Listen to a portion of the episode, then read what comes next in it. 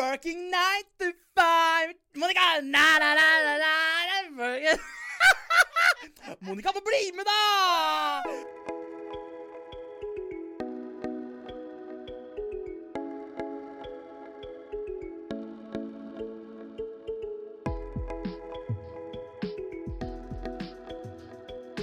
Folk flest, en podkast fra Norges Handikapforbund. Vi tenker ofte på arbeid som det å være i jobb og motta lønn, altså penger for et arbeid som vi utfører. De fleste samfunn bygger på dette bytteforholdet. Og det er helt nødvendig for at samfunnet skal kunne gå rundt. Denne byttehandelen ivaretar både våre personlige behov og samfunnets behov. De aller fleste av oss er helt avhengig av inntekten som betalt arbeid gir. Vi trenger inntekt for å ja, kunne betale for vårt livsopphold. Men likevel, Jørgen, så er det altfor mange i yrkesaktiv alder som står utafor arbeidslivet. Dagens episode av Folk flest skal nettopp handle om de som står utenfor. Hva gjør det? Hva gjør dette utenforskapet med samfunnet sitt syn på oss, og hva gjør det med vårt syn på oss sjøl? Og hvem passer best til å være dagens gjest i Folk flest enn Geir Lippestad? Velkommen, Geir! Velkommen til Halden fengsel. Her er vi på Røverradioen. Jeg har med meg min gode venn Sahbu. Så jeg er med er kula her. her. ja. Neste spørsmål er om arbeid. Hva ville du bli når du var stor, Sahbi? Nei, det jeg ville bli Jeg ville bli mye rart. Jeg ville bli astronaut, jeg ville bli politi, jeg ville bli masse, masse forskjellig rart. Men uh, ingen av de målene jeg hadde da jeg var liten, ble til, da, dessverre. Mm. Ja, jeg hadde en drøm om å bli general. General, ja. For Ja. hva da? Hæ? Militær, eller? Ja, ikke, men... men det var bare en drøm. ja, ja. Det er jo en grunn til at det kalles en drøm. Ja. Ja, men vi går videre til neste spørsmål. Hvilken betydning har arbeid for deg? Jeg har ikke jobba mye i livet mitt. Men nå som jeg har eh, brukt opp livet på masse tull, da, Mm. kriminalitet, så tenker jeg at jobb egentlig er veldig viktig, og det betyr noe.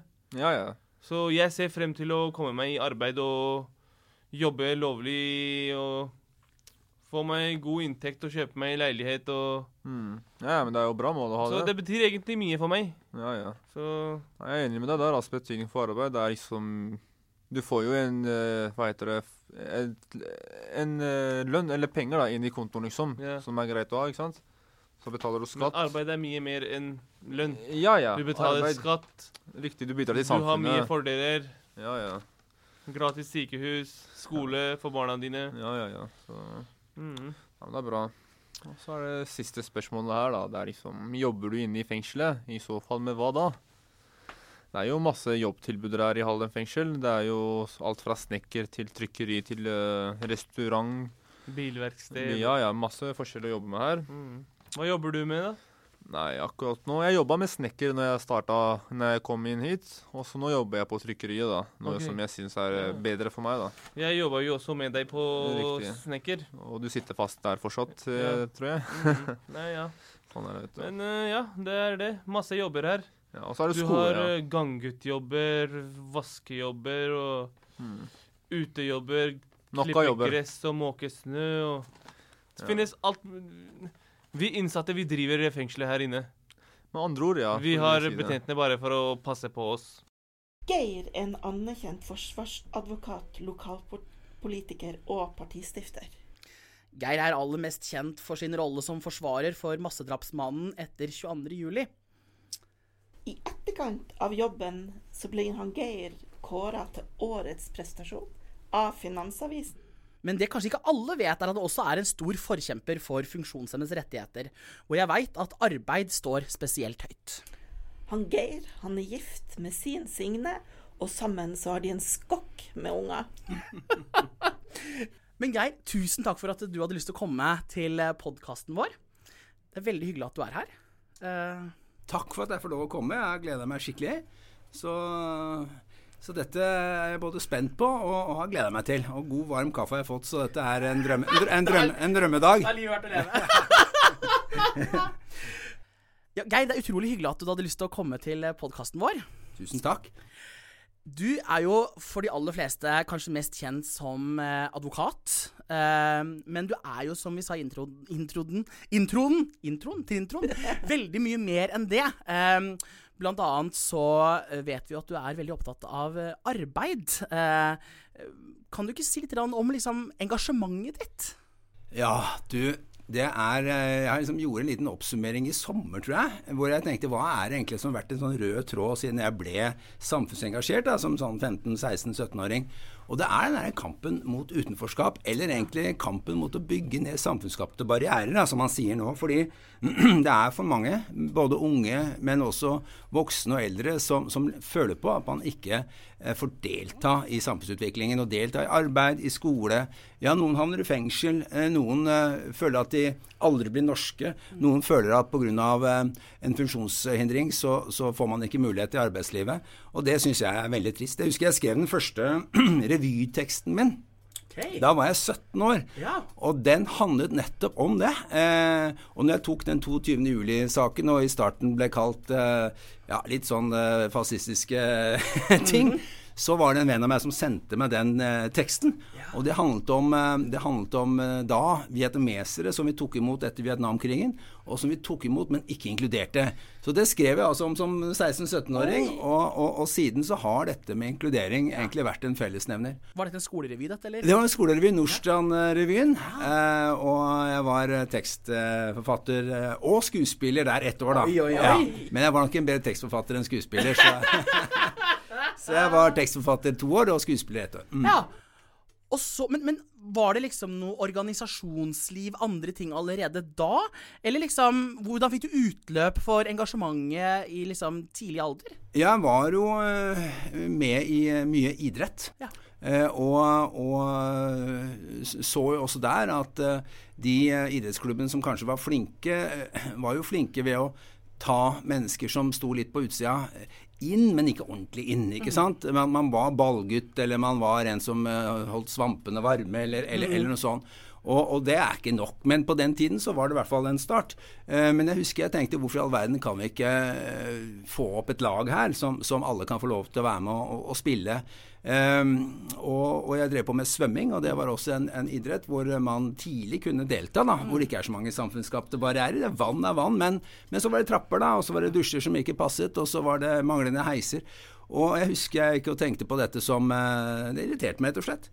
Og så fikk jo ikke dette ordentlig utløp før man selv blir litt eldre og får barn. da. Ja. For, for jeg er i hvert fall så enkel at liksom, det er det du føler ordentlig på kroppen sjøl, som, som preger en. Og, og, og vi har da mange barn, eh, kona og jeg, åtte stykker, og, og to av de eh, er, har nedsatt funksjonsevne. Rebekka var, hadde en muskelsykdom. og og trengte definitivt et samfunn som var universelt utforma, og trengte at, at uh, dette med deltakelse var egentlig en daglig kamp.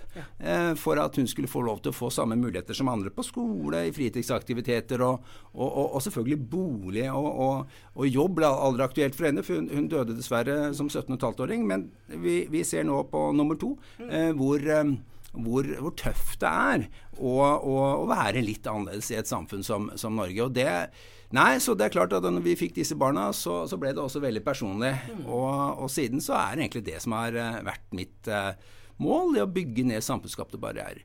Og så er det viktig for meg å si at folk tenker jo at ja, ja, han er liksom bare interessert i en særgruppe, han Lippestad. men men dette gjelder så mange mennesker. For vi snakker jo om mennesker fra forskjellige kulturer. Vi snakker om mennesker som har falt ut av samfunnet, f.eks. som har sittet inne. De trenger også en viss tilrettelegging for å komme tilbake. Vi snakker om eldre som, eh, som nå pga. digitalisering, men også pga. andre ting, føler på et utenforskap. 6% av alle 29-åringer, hør det tallet, 6% av alle, altså årskullet 29 år, ble uføretrygdet eh, av forskjellige årsaker. Mye psykisk uhelse og den type ting. Så dette er ikke bare de, og nå sier jeg anførselstegn, bare de 100 000 mennesker med nedsatt funksjonsevne som ønsker å jobbe, men det er rett og slett blitt et svært samfunnsproblem. Så derfor eh, greier jeg ikke å la være å ha det som jobb nummer én. Så bra. Og vi er jo så glad for ditt engasjement. Mm. Det er jo utrolig bra. Vi ser jo også at eh, 18, altså funksjonshemmede 18-åringer ofte får uføretrygd i 18-årsgave. Eh, og det er jo helt forferdelig. Altså hva, gjør det, altså, hva gjør det med et menneske å ikke få de forventningene stilt mot seg, da? Det, det er klart at det er noe av det som er aller mest eh, krevende. At man allerede i skoleløpet Nei, du behøver ikke være med på eh, idretten, eller du behøver ikke å Disse fagene er kanskje litt vanskelig, eller, eller når vi er på leirskoler, så er det kanskje du, du, du skal kanskje ikke være med på dette. Altså det å hele tiden bli følt at man, at man kan eh, bli behandlet annerledes, da, eh, det, det preger jo en, en ungdom, og det vil også prege en ungdom inn i arbeidslivet. Altså jeg, jeg, jeg, tror, eh, jeg tror at det å bli stilt krav til, selvfølgelig, men også få rammer som er mulig eh, å lykkes rundt. Eh, Vi har snakket om universell utforming, dette med å bygge ned samfunnsskapte barrierer. Men som jurist har jeg også veldig tro på regelverk, altså. Vi, vi har snakket om dette i 15-20 år, ikke sant, gjennom IA-avtaler, og nå snakker vi om dugnader og den type ting. Det, det, det hjelper ikke. Vi greier ikke å flytte flere mennesker inn i arbeid uten at vi har et tøft regelverk på plass. Eh, og, derfor, hvis vi får snakke om, om det, altså derfor syns jeg det er forstemmende at ikke eh, menneskerettighetserklæringen, kall det det, til, til FN, eh, CRPD, eh, er norsk lov. For det ville gitt eh, makt bak kravene, og, og vi ville fått eh, en mulighet, et verktøy, for å, å, å, å kreve arbeid. Eh, for det er en, eh, en rettighet man bør ha. Det er kanskje en av de viktigste menneskerettighetene man, man har. Geir, du er jo advokat. Når bestemte du deg for å bli advokat? Det er et godt spørsmål. Um, hvis jeg får være litt personlig, da. Eh, og det kan jeg jo være her sammen med så gode venner som dere. eh, Så tror jeg at jeg bestemte meg for, ikke for å bli advokat, men, men liksom det å bli jurist, få oversikt over regelverket. Eh, Når, når eh, min familie, når vi var unge, jeg var 15 år, var jeg vel kanskje litt eldre, så gikk min far dundrende konkurs. Og, og dette hadde ikke han orka å fortelle oss. Eh, Så vi kom hjem fra skolen, og, og huset var tvangssolgt, og, og, og vi var satt på gata. Og jeg husker den utryggheten det skapte. altså At man plutselig ikke hadde et sted å bo. At eh, man var avhengig av sosiale ytelser. At, at økonomien var veldig usikker. At familien gikk i oppløsning. At alle disse tingene gjorde meg ekstremt utrygg. Og, og jeg tror jeg var en 15-16-åring som ikke var spesielt eh, samfunnsoppbyggende. Jeg tror jeg var sint og, og, og, frustrert. Men, men, så var det dette her med jussen, og jeg husker det var, eh, det var vel et valgfag i starten, hvor, hvor dette med å, å rettigheter og trygghet og, og, og, hva kan du kreve på et vis når du kommer i vanskelige situasjoner, som, som gjorde at det der må jeg finne ut av, husker jeg. Og tok da juss som valgfag eh, på videregående og, og bestemte meg for at nei, jeg må studere juss, fordi at eh, juss, altså rettssikkerhet og trygghet er på en måte limet i, i samfunnet, og også på en måte limet for hver enkelt av oss. Um, det at vi kan være trygg på en arbeidsplass, det at vi kan være trygg på velferdsgoder, det, at vi kan være trygg på at, at, at rettssikkerhet står der hvis, det, hvis, hvis vi trenger det. Så, så, så, da begynte jeg å studere juss, og, og har ikke angra siden da. Og hvorfor jeg ble advokat, det handler vel om at jeg er veldig glad i folk, da. For da, da møter du folk, og du møter folk i mange forskjellige situasjoner. Og strafferett har vært eh, en av de tingene jeg har holdt på med i alle år, fordi at jeg syns det er veldig berikende å møte mennesker som, som eh, ja, som eh, har kommet skjevt ut, eh, men som trenger et forsvar, og som trenger hjelp til å komme tilbake. Eh, og det er nesten alltid en historie bak, og du kan se eh, hva vi som samfunn kanskje kunne gjort annerledes for de menneskene. Og så er det viktig å være klar over at det er så tilfeldig. I min vennegjeng så var det noen som havna i fengsel, og, og andre ble jurister og leger, men, og det var veldig tilfeldig. Ehm, så, så det er interessen og nysgjerrigheten for mennesker egentlig som, som har gjort at jeg syns det faget er spennende.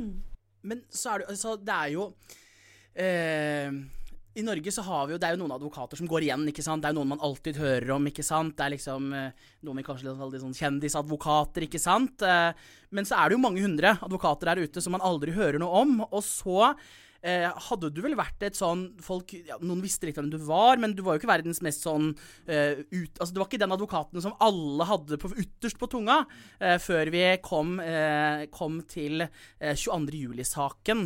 Eh, og vi må liksom innom det, for det er jo der du på en måte alle, alle kjenner deg fra. og jeg tenker jo litt sånn Du går fra kanskje en litt sånn anonym tilværelse til plutselig å være på alles tunger, ikke bare i Norge, men i hele verden. Altså, hva, hva skjedde når du liksom fikk eh, Når du fikk altså, Er det lov å si muligheten for det oppdraget, da? Eller hvordan dere på en måte hva dere definerer det som i bransjen hos dere? Nei, altså, det er klart, Hvis vi tar det perspektivet at man plutselig blir kjent, så, så er det, for å si det slik, jeg er veldig glad for at jeg var godt voksen. Ja. Fordi det er, eh, det er noe man kan, kan eh, bli litt smårar av, det.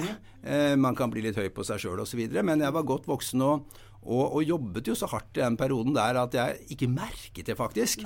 Før egentlig saken var over. og, og og, og, og, da hadde jeg tid til å, å, reflektere litt rundt det. Jeg har jo aldri hatt noe ønske om å bli kjent, eh, så, så jeg har holdt meg unna kjendisfester og, og den type ting. Eh, så, så, jeg prøver jo å, å, forvalte det ved at jeg bruker det i mitt samfunnsengasjement, da. Den stemmen man har eller har fått som følge av det. Og, og, og, den muligheten som du sier, altså, det er jo et annet perspektiv. Hvorfor sa man ja til dette, da? Fordi eh, jeg hadde jo et godt liv, jeg, og, og trodde jo at dette skulle egentlig bare føre til at uh, man skulle bli hatet i Norge. Forsvare en mann som har gjort disse tingene. Jeg har forsvart uh, nynazister uh, før, og, det var jo ikke sånn at man ble heiet frem akkurat. Det var også så, så, så, jeg trodde jo at dette skulle føre til at man fikk mye hets, og det gjorde man jo i starten. Men det som var viktig, viktig for meg, det er egentlig litt det samme som vi sa innledningsvis. Altså, dette med rettssikkerhet og menneskerettigheter, det, det syns jeg bør være som absolutte størrelser. Ja. Og jeg husker jeg lå den natta når jeg fikk den telefonen uh, og tenkte skal jeg si ja, skal jeg ikke si ja, og hvis jeg sier ja, hvorfor? Mm. Og da tenkte jeg faktisk på datteren min Rebekka, uh, som overhodet ikke har gjort noe galt. Bare gjort gode ting i sitt liv. Men, men, hun opplever jo, eller opplevde jo da som, som um, funksjonshemmet at mange satte spørsmålstegn rundt hennes både menneskerettigheter og rettssikkerhet. Mm. Og om hun hadde samme rettigheter til skole og arbeid, og, og, og egentlig også til liv. Mm. Um, og, og, det opprører meg veldig, husker jeg. Og, og, da tenkte jeg, hvis jeg selv tenker at rettssikkerhet bare er en sånn relativ størrelse. Mm. At noen fortjener det, andre fortjener det ikke. Mm. Så kan jeg jo ikke bli sint på de lenger. Så jeg, jeg, jeg, må jo si ja til å forsvare Breivik. Det er hans rettssikkerhet. Um, han må ta ansvar for det han har gjort, og, og jeg skal bare ivareta hans rettslige interesser. Men hvis jeg tenker at han er så grusom mm. at han fortjener ikke rettssikkerhet, så kan jeg faktisk heller ikke si til de som mener at min, min datter fortjener rettssikkerhet, at, mm. at, de tenker feil. Men, men, men hvordan er liksom det å bli ønsket? Altså være en ønsket advokat? Uh, ja. For det tenker jeg mange ville liksom uh, ja, nei, det, ja, og det, det var veldig spesielt, selvfølgelig, med tanke på hvem han angrep. Ja. og Dette er noe som ligger hjertet mitt nært, og ligger hjertet mitt svært nært. Så, så, så, det var spesielt, så jeg måtte gå noen runder med meg selv. Og, og jeg spurte han selvfølgelig også om det. Eh, hvorfor vil han ha meg som forsvarer? Og, og han forklarte, forklarte det. Men, men, men, det gikk nok på at jeg hadde forsvart høyreekstreme før. Og, og, og, han tenkte at da, da kjenner jeg til ideologien osv. Og, så og det er jo riktig. Mm. Men jeg var veldig tydelig på at det er hans rettssikkerhet jeg forsvarer, ikke tankene og ideen hans. For det står så langt fra meg som det er overhodet mulig å mm. komme. Og så tok det jo ikke lang tid, eller det tok jo litt tid, men etter hvert så ble du jo politiker. Mm. Uh, for et parti som uh, han hadde et stort hat mot. Ja. Uh, har, er det lov å spørre om har dere snakket noe om det, eller har du, har, vært, har, har du, snakket noen gang om han i forhold til det? Jeg var jo medlem i Arbeiderpartiet når jeg påtok ja. meg saken. Ja. Og det var han kjent med? Det var han kjent med, og ja. det var jo selvfølgelig noe av det første jeg tok opp med han. Ja. Fordi det er jo riktig som du sier, han angrep jo Arbeiderpartiet, han angrep demokratiet vårt og, mm. og, og barna til, til, til Arbeiderpartiet ungdommene. Så, så, jeg forklarte han jo det, at jeg var en del av, eh, av medlem av Arbeiderpartiet, og det var et parti jeg var veldig glad i, og mennesker jeg var veldig glad i. Mm. Er jeg veldig glad i.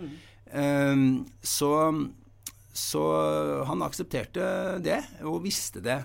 Eh, og det var eh, vanskelig å forstå selvfølgelig at han likevel valgte meg som eh, forsvarer. Men, men det var samtaler vi hadde, og som jeg ikke skal, eller kan gå helt inn i. Selvfølgelig, hva han reflekterte rundt, rundt de tingene. Det er taushetsbelagt. Men, men jeg snakket med han om det, selvfølgelig. Og ville forsikre meg om at han visste det, slik at det ikke kom opp for han senere som en overraskelse. Det var jo klokt. Mm. Mm. Og nå hvis vi skal fortsette litt sånn på politikksporet Geir, nå har du akkurat nylig stifta et nytt parti. Ja, det gått ut av Arbeiderpartiet, eller har du Ja. ja. Ja, jeg har jo det, da. For det, det, det må man når man eh, starter vil et nytt parti. Eh, og det har ikke vært med lett hjerte, men, men det er altså rett og slett fordi at jeg ønsker å sette denne kampen mot utenforskap på øverste dagsorden. Og så vil jo alle parti, partier si at ja, men dette er vi enige med deg i, Lippestad, kan ikke du komme til oss? Men man kan ikke bare si man er enig, man må gjøre noe med det, og man må bruke nokså dramatiske grep. Og I tillegg så er det selvfølgelig dette med inkludering og, og ansvar for ting som skjer utenfor våre grenser, og, og klima, som er, er veldig viktig for meg. Så utenforskap var på en måte litt av drivkraften din til å, til å starte til å etablere eller Ja. sti, mm, Ja, ikke bare litt, det er, er min drivkraft. eh, fordi at det, det, det må en helt annen trøkk uh, rundt det. Og vi, vi ser jo hva når det kommer trøkk på klimaspørsmål, når det kommer trøkk på hvordan skal vi eh, organisere samfunnet ved en covid. Når det kommer trøkk på ting, så får vi til endringer. Men det må være trøkk, og det må være rettighetsbasert. Og, og vi må tenke dette med at vi må bygge ned de samfunnsskapte barrierene og inkludere flere. Og, og, og hvis vi ser eh, i Europa og i Amerika ikke minst, så er jo liksom trenden det motsatte. Dette at man polariserer og, og, og tråkker hverandre ned. Og det er utrolig uheldig for et samfunn. Jeg tenker at, at skal vi få til varige endringer her, så må vi slutte med denne dugnadstankegangen. Og det at kommune og stat at du får regler om, om eh, rettigheter til arbeid. Kvotering, kall det det om du vil. Vi kan finne bedre ord. Men, men at man får en plikt til å ansette folk som ønsker jobb, men som står i, i, i, i, eh, i, i uføresituasjon. Det, det tror jeg er veldig viktig. Men da er man avhengig av å få med seg Stortinget, og man er avhengig av å få til regelendringer. og det er det er ganske komplisert, fordi at i utgangspunktet i Oslo kommune så ansetter man den som er mest egnet til en stilling. ikke sant? Og, og, og, og for et menneske som, som har stått utenfor arbeidslivet i kanskje to-tre år, så, så kreves det da kanskje en periode før man er minst like god. Jeg tror mange ganger flinkere, men det kreves en periode. Så her må det liksom, regelverk og regelendringer til. Nei, jeg skulle ønske jeg bare kunne sagt det, eh, men jeg tror at man må, måtte tenkt mye mer kraft og, og politisk makt bak eh, et sånt krav enn det jeg hadde. Eh, så jeg håper vi kan, kan få det, da. Eh, gjennom, gjennom å få et parti som har dette som fokus. Og nå skal du på tinget. Altså, om jeg, om jeg skal på tinget, vet jeg ikke, men partiet Vil du på, sentrum vil du på tinget? ja, vet du hva? Jeg vil at partiet sentrum skal på tinget. Jeg vil at vi skal komme i en sånn situasjon hvor vi kan si at vet du hva, vi kan samarbeide med deg, vi kan samarbeide med deg, men under forutsetning av at, at dette kommer på plass når det gjelder kampen mot utenforskap. Og om jeg kommer på ting eller ikke, det er ikke så viktig. Men at jeg kommer til å være engasjert i partiet sentrum eh, i mange, mange mange år, det, det er jeg sikker på. Kan jeg bare få lov bare, men Hvordan har dere tenkt å utnytte, da? Altså, Si dere nå kommer på tinget, da. Eh, eh, og så får dere kanskje inn en representant eller to. eh, jeg vet ikke. Eh, det er vel kanskje å drømme litt å komme over sperregrensa på første forsøk, si. Eh, men eh, vil Altså noen, vil, altså noen onde tunger vil kanskje si at dere på en måte tapper de etablerte partiene. Både for kanskje ressurser, mennesker, engasjement.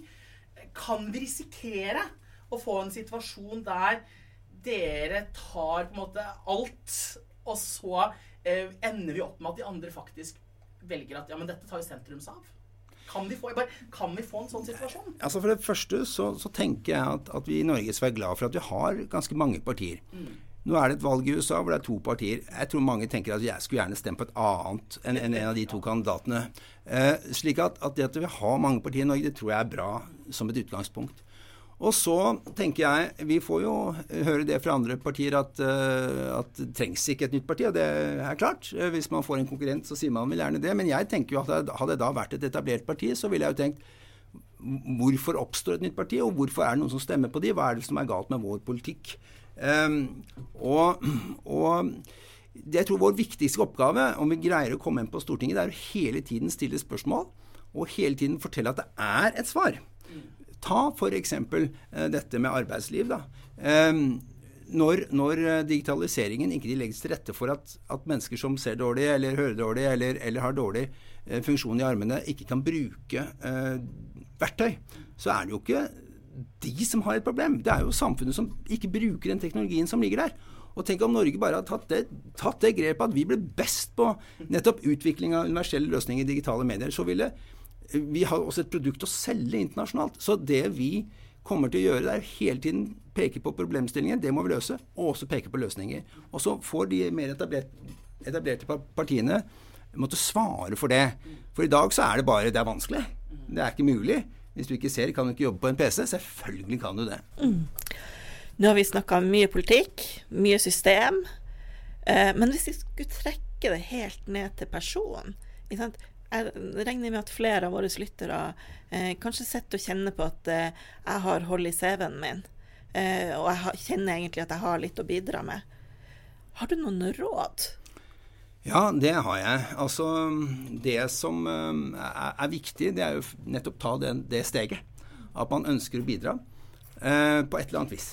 Om det er eh, ute i organisasjonslivet, om det er i arbeidslivet, eller om det er på andre måter i nærmiljøet, stille seg til rådighet og si at 'jeg har lyst til å bidra'.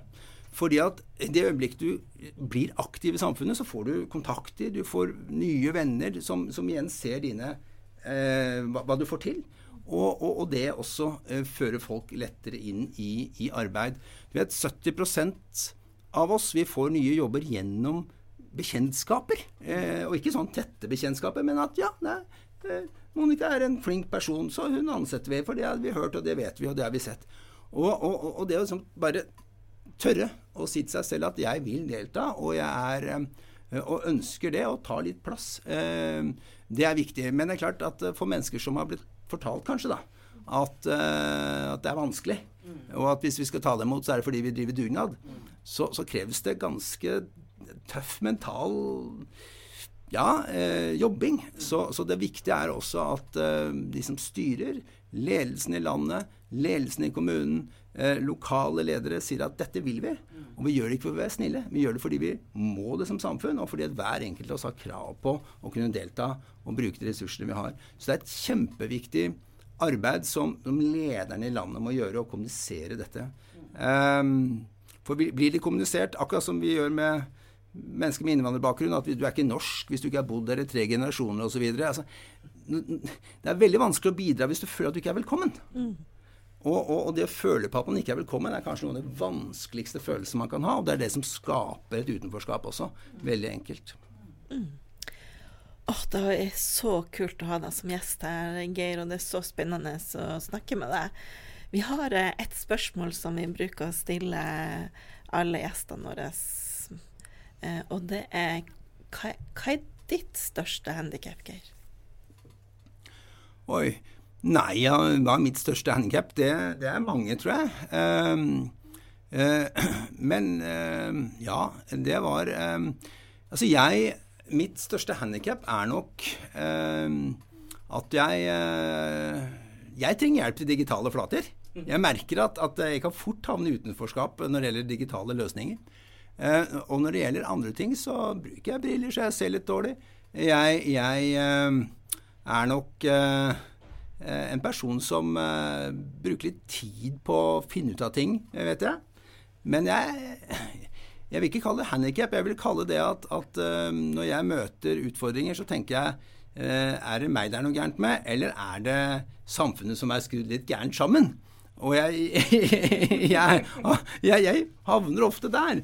Fordi at, fordi at jeg føler jo at, at hvis ting blir lagt til rette for meg også, så kan jeg bidra.